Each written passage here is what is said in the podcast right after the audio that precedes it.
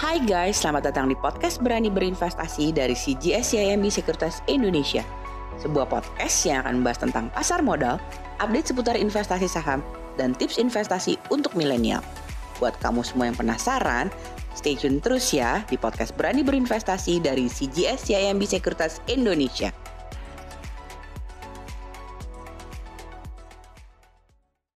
Teman-teman semua, kita jumpa lagi nih di podcast Berani Berinvestasi bersama CGS CMB Sekuritas Indonesia. Apa kabar kalian? Saya ucapin selamat Hari Raya Idul Fitri ya bagi kalian yang merayakan. Dan tentunya kita kembali lagi di podcast Berani Berinvestasi. Seperti biasa, kali ini saya akan ditemani oleh rekan saya, Fani Soherman. Saya sapa dulu, Fani. Hai, Van. Hai, Din. Apa kabar, Van? Setelah libur, gimana kabarnya? Sehat? Sehat-sehat. Pastinya semuanya lebih segar gitu ya, lebih fresh ya setelah libur panjang ya.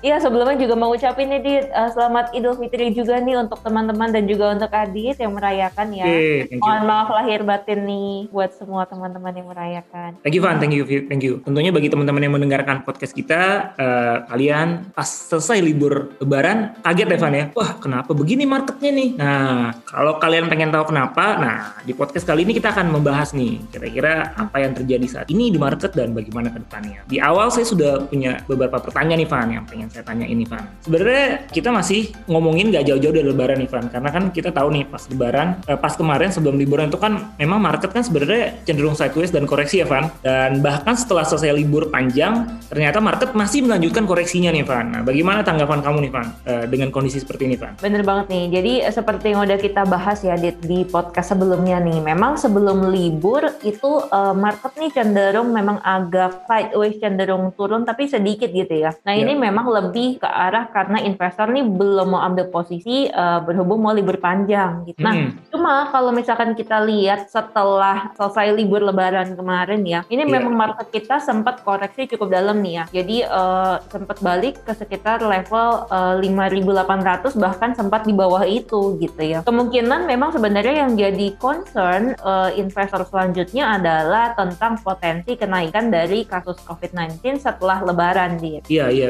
Memang kalau misalnya kita amati Van ya, uh, itu sebenarnya juga lucu juga ya Van banyak hmm. juga ya ternyata mudik ya dan hmm. kita lihat berita memang kondisi ini memang sangat mengkhawatirkan dan beberapa hmm. tempat wisata juga ramai banget ya Van ya itu sempat terlihat ya kan di uh, televisi ya Van betul betul benar banget nih nah, apalagi memang sempat muncul juga berita kan ya bahwa sekitar uh, dua per tiga pemudik yang dites yeah. itu ternyata positif COVID-19 gitu nah sehingga memang dikhawatirkan ini akan terjadi peningkatan kasus dalam kurun waktu sekitar uh, dua minggu setelah lebaran lebaran gitu. Dan sebenarnya yang paling dikhawatirkan gini Dit, kalau seandainya nih kasus melonjak lagi dan ini membuat uh, pemerintah gitu ya menetapkan pembatasan yang diperketat kembali seperti eh, masa-masa uh, di awal Covid yang lalu, nah ini maka akan membuat uh, recovery ekonomi kita ini agak terhambat gitu. Bener bener bener banget sih kan. Jadi memang ini kekhawatiran kita semua dan tentunya teman-teman yang mendengarkan podcast kita kali ini ya, di uh, teman-teman harus mengerti dan menjaga banget ya protokol kesehatan.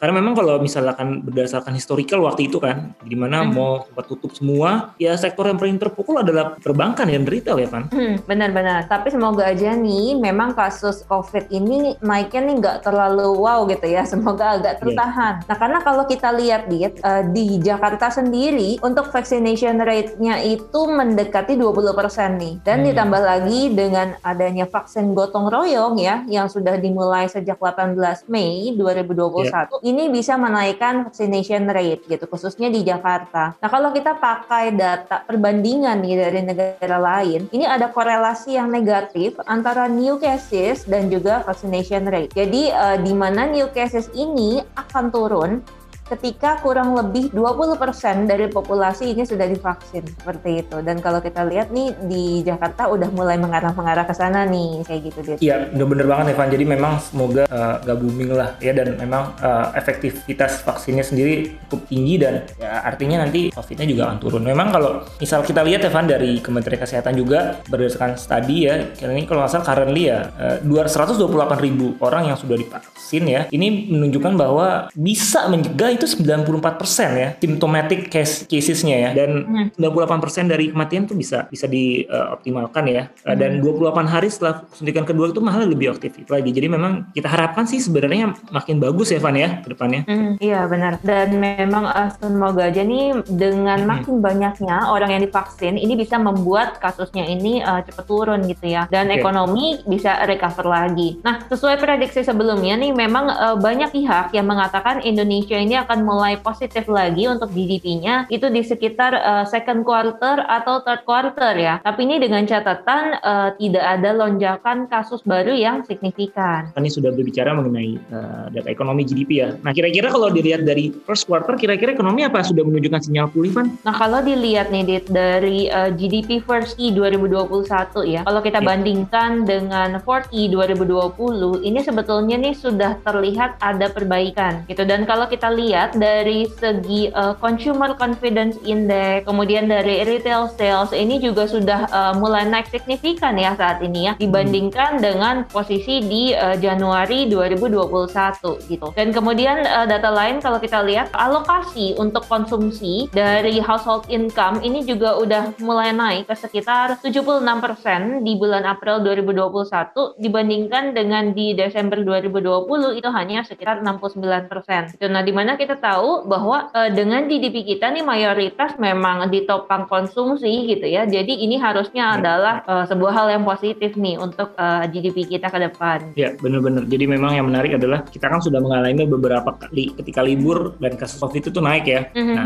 nah, kira-kira Van, sektor apa yang paling terdampak dan paling tidak terdampak Van? Nah, kalau berdasarkan dari uh, performance ya 30 hari setelah lebaran, kalau lebaran hmm. tahun kemarin ya 2020, perbandingannya adalah gini. Untuk sektor sigaret itu naik sekitar plus 31,7 persen. Kemudian retail itu naik plus 20,1 persen. Hmm. Kemudian banks itu naik plus 19,7 persen. Kemudian consumer staples naik plus 14,2 persen. Dan untuk healthcare ini naik uh, plus 11,1 persen. Oke, menarik ya. Jadi kalau misalnya kita lihat secara historical di 30 hari setelah lebaran tahun lalu memang hmm. justru beberapa sektor naiknya cukup banyak ya Van ya. Uh, hmm. Sektor-sektornya Van ya. Benar, benar banget nih. Tapi yang perlu kita ingat juga nih Dit, kondisinya yeah. adalah waktu itu memang karena di bulan Januari sampai hmm. dengan uh, sekitar awal April ya tahun kemarin, IHSG ini emang udah koreksi dalam banget gitu hmm. kan. Dari sekitar 6.400-an itu hingga turun uh, hampir ke level 4 ribuan kalau nggak salah ya. Nah, yeah. karena memang uh, saat-saat itu adalah masa-masa di mana awal COVID baru masuk nih ke Indonesia hmm. gitu. Nah, jadi kalau kita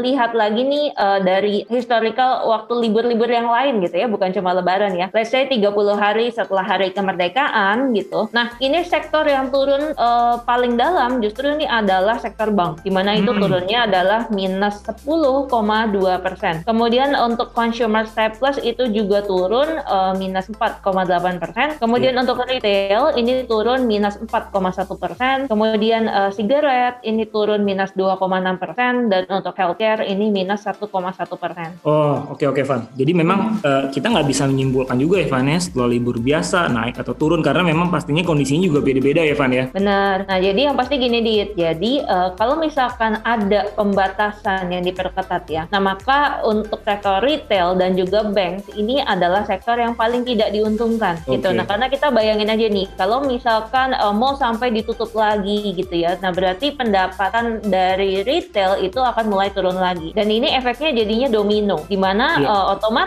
pasti mall-mall ini kan juga memberikan uh, potongan rental gitu ya ke tenan-tenan mereka ya. Dan ini akan uh, mengurangi recurring income sektor properti yang memiliki mall-mall tadi dan juga infra yang harusnya ini bisa dikebut di sekitar uh, second half 2021 ini bisa agak melambat lagi nih gitu yeah. kan dan otomatis uh, akan banyak terjadi kredit macet lagi nih ke bank gitu. Jadi efeknya uh, panjang banget nih gitu dan yeah. semoga nggak terjadi ya. Hmm, benar-benar setuju setuju Pan. Jadi memang teman-teman yang mendengarkan podcast kita kali ini kita masing-masing punya tanggung jawab lah ya pribadi bahwa kita tetap harus menegakkan protokol kesehatan karena yang sudah tadi Fanny sharing juga bahwa uh, efeknya ketika COVID naik, banking dan juga retail juga akan kena dan tentunya ISG juga akan turun. Kinerja investasi kalian teman-teman yang ada di saham pasti juga akan ikutan turun. Jadi dukung terus ya program pemerintah untuk uh, vaksin karena ini salah satu tujuannya yang cukup uh, bagus adalah bisa menekan laju COVID-19 dan artinya nanti kita ekonomi bisa akan reopening uh, secara maksimal. Oke okay, Van, thank you banget nih Van atas sharing-sharingnya ya Van. Banyak banget insight yang bisa kita dapetin di podcast kali ini. Beberapa sektor ternyata ada yang naik dan turun ya, dan beberapa mm-hmm. faktor yang bisa kita perhatikan juga. Nah semoga uh, podcast kali ini juga bermanfaat buka, buat teman-teman yang mendengarkan kali ini. Dan terus dukung terus investasi dan juga